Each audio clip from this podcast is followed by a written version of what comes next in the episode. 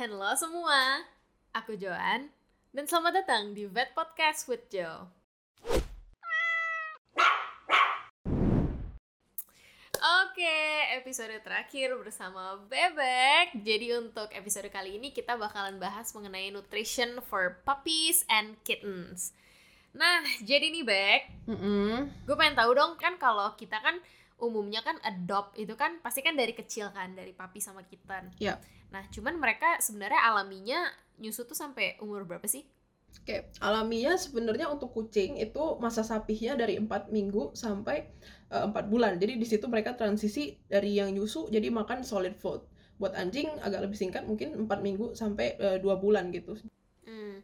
Terus kalau misalnya nih kita adopt papi sama kitten dari kecil, umur berapa sih kita tuh masih harus ngasih mereka milk replacer? Apa sih kalau misalnya masih kecil banget kan kita nggak bisa langsung kasih wet Iya, food gitu iya. kan? Oke, kalau dari kecil maksudnya kita adopt dari uh, orang lain yang induknya baik-baik aja atau kita dari breeder gitu.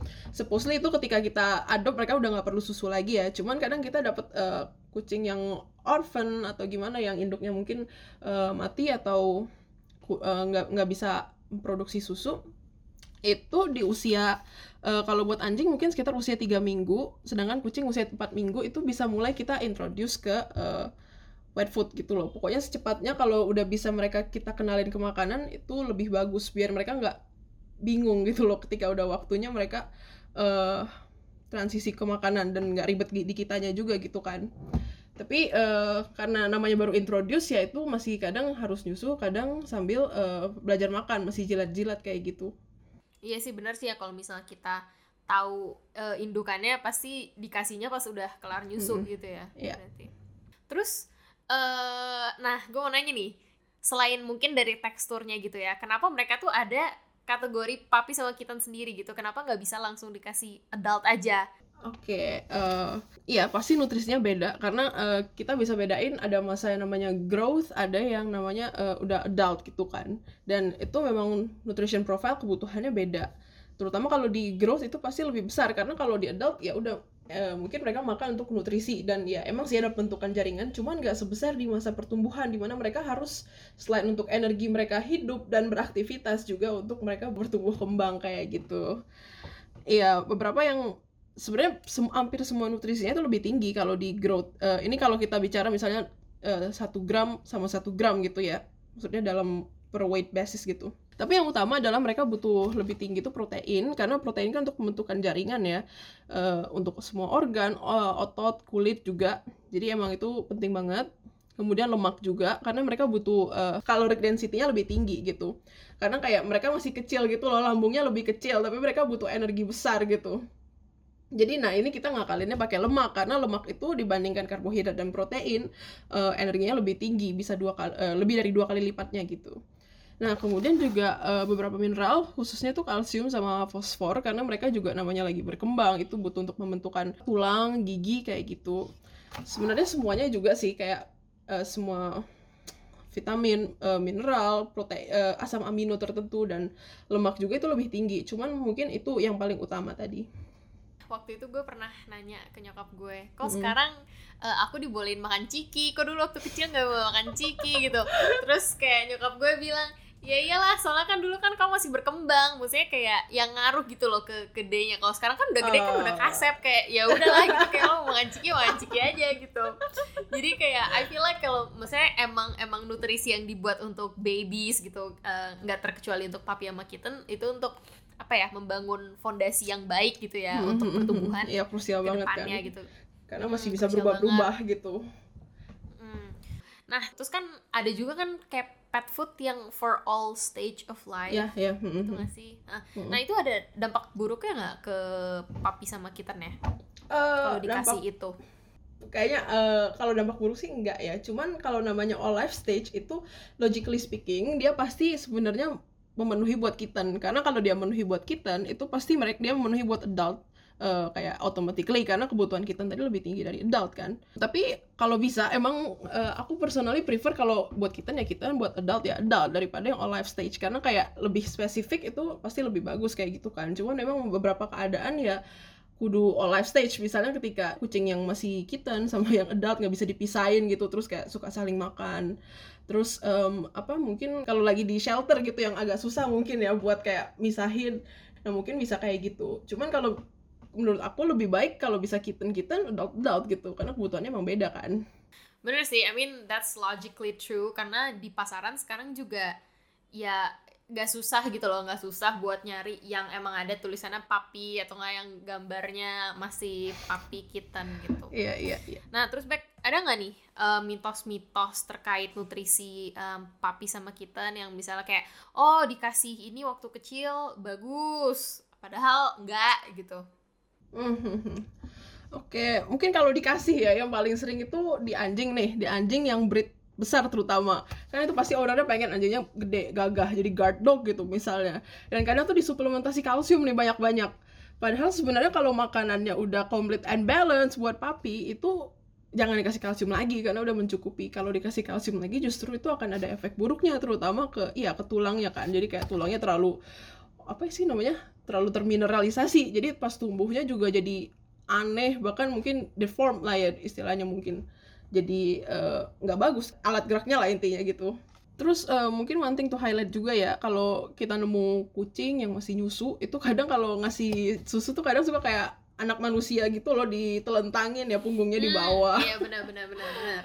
Nah sebenarnya itu very risky ya karena uh, mereka natural itu kalau nyusu telungkup gitu kan kayak ya telungkup bukan kayak gini gitu kan Nah, jadi kalau di dia nyusu dalam posisi yang gak natural itu uh, ada risiko besar banget mereka bakal uh, susu tersebut malah masuk ke saluran napasnya choking dan ya jadinya. Iya, choking malah jadi aspiration pneumonia dan ya itu bisa nyebabin kematian juga.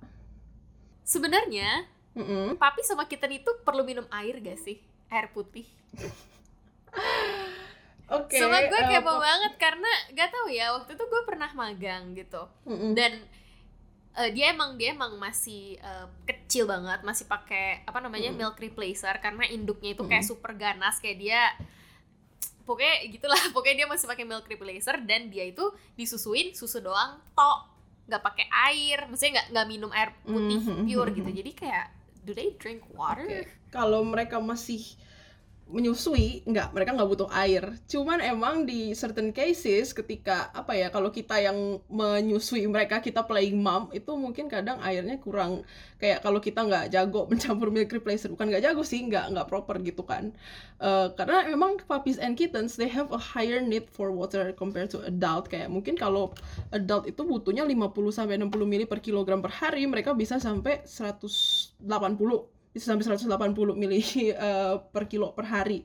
Karena 80% dari badan mereka itu adalah air. Jadi sebenarnya ya kalau mereka disapih dengan baik uh, maksudnya mereka punya induk sebenarnya enggak. Tapi ketika mereka udah mulai uh, makan solid food ya mereka butuh air juga. Mungkin bisa dihitung dari kebutuhannya ya apakah dengan mereka nyusu kalau kan kita tahu juga kalau kita nyusuin mereka udah mengkonsumsi air sekian apakah itu udah mencukupi atau belum gitu see, I see. Karena I just always wonder gitu kayak ini yang kecil-kecil nih pada minum air gak sih? Kayak kayak gue gak pernah aja gitu ngeliat mereka minum air murni, air putih gitu.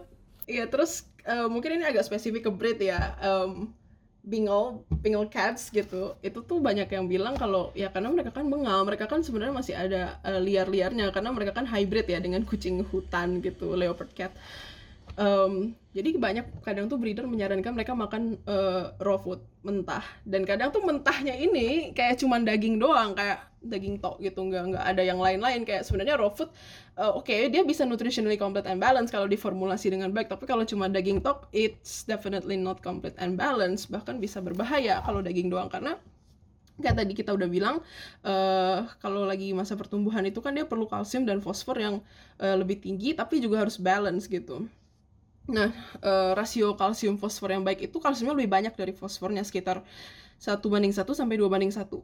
Tapi kalau dikasih daging doang itu uh, justru fosfornya tinggi banget, uh, kalsiumnya rendah banget.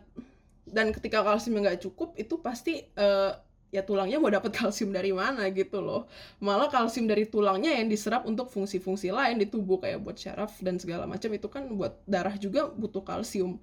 Malah jadinya ya tulangnya akan sangat rapuh gitu loh ada juga kasus-kasus um, kayak gitu apa namanya ya kelainan tulang pada kucing bengal gara-gara itu ya berarti intinya ya kita kalau misalnya masih punya kitten atau punya papi ya sewajarnya aja lah kasih aja udah makanan yang Iya. udah khusus diformulasikan untuk papi sama kitten karena emang udah diformulasikan untuk mereka gitu Ka- Mm-mm. kalau misalnya kalau misalnya sama aja papi sama adult gak akan ada papi sama kitten food gitu kan. Ya sama aja Iya, lah kayak iya. manusia. Manusia kan susunya aja ribet banget ya gak sih? Kayak dari berapa bulan sampai berapa bulan dari 1 sampai tiga tahun dari 5 sampai 10 Iya, iya, tahun gitu. Pasti kan di situ kan ada slight difference in nutrisi yang orang-orang ya maksudnya researchernya tuh udah nge-research gitu yang terbaik untuk umur sekian untuk perkembangan tuh berapa gitu ya mungkin ada anything else you want to add?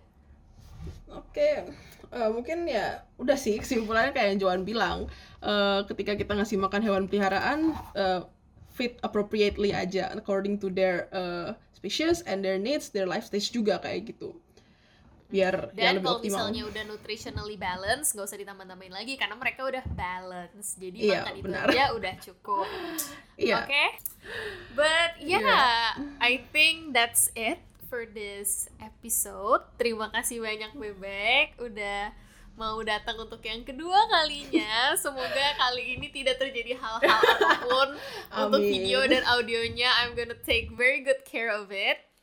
Dan ya, semoga episode ini bermanfaat. Semoga ya bisa membawa insight baru untuk kalian bahwa ya just feed your puppy and kittens regular puppy and kitten food. Oke, nggak usah nggak usah ribet-ribet, kasih aja mereka itu yang emang udah diformulasikan untuk mereka. Jangan lupa untuk cek caption di bawah karena mungkin nanti akan disertain artikel-artikel mengenai hal-hal yang kita bahas tadi. Dan jangan lupa juga untuk share biar bisa bermanfaat bagi orang banyak, terutama untuk pet parents di luar sana. Thank you very, very, very much. And thank you very much, Bebek. And see you guys in the next episode. Bye-bye. Bye-bye. bye, Joan.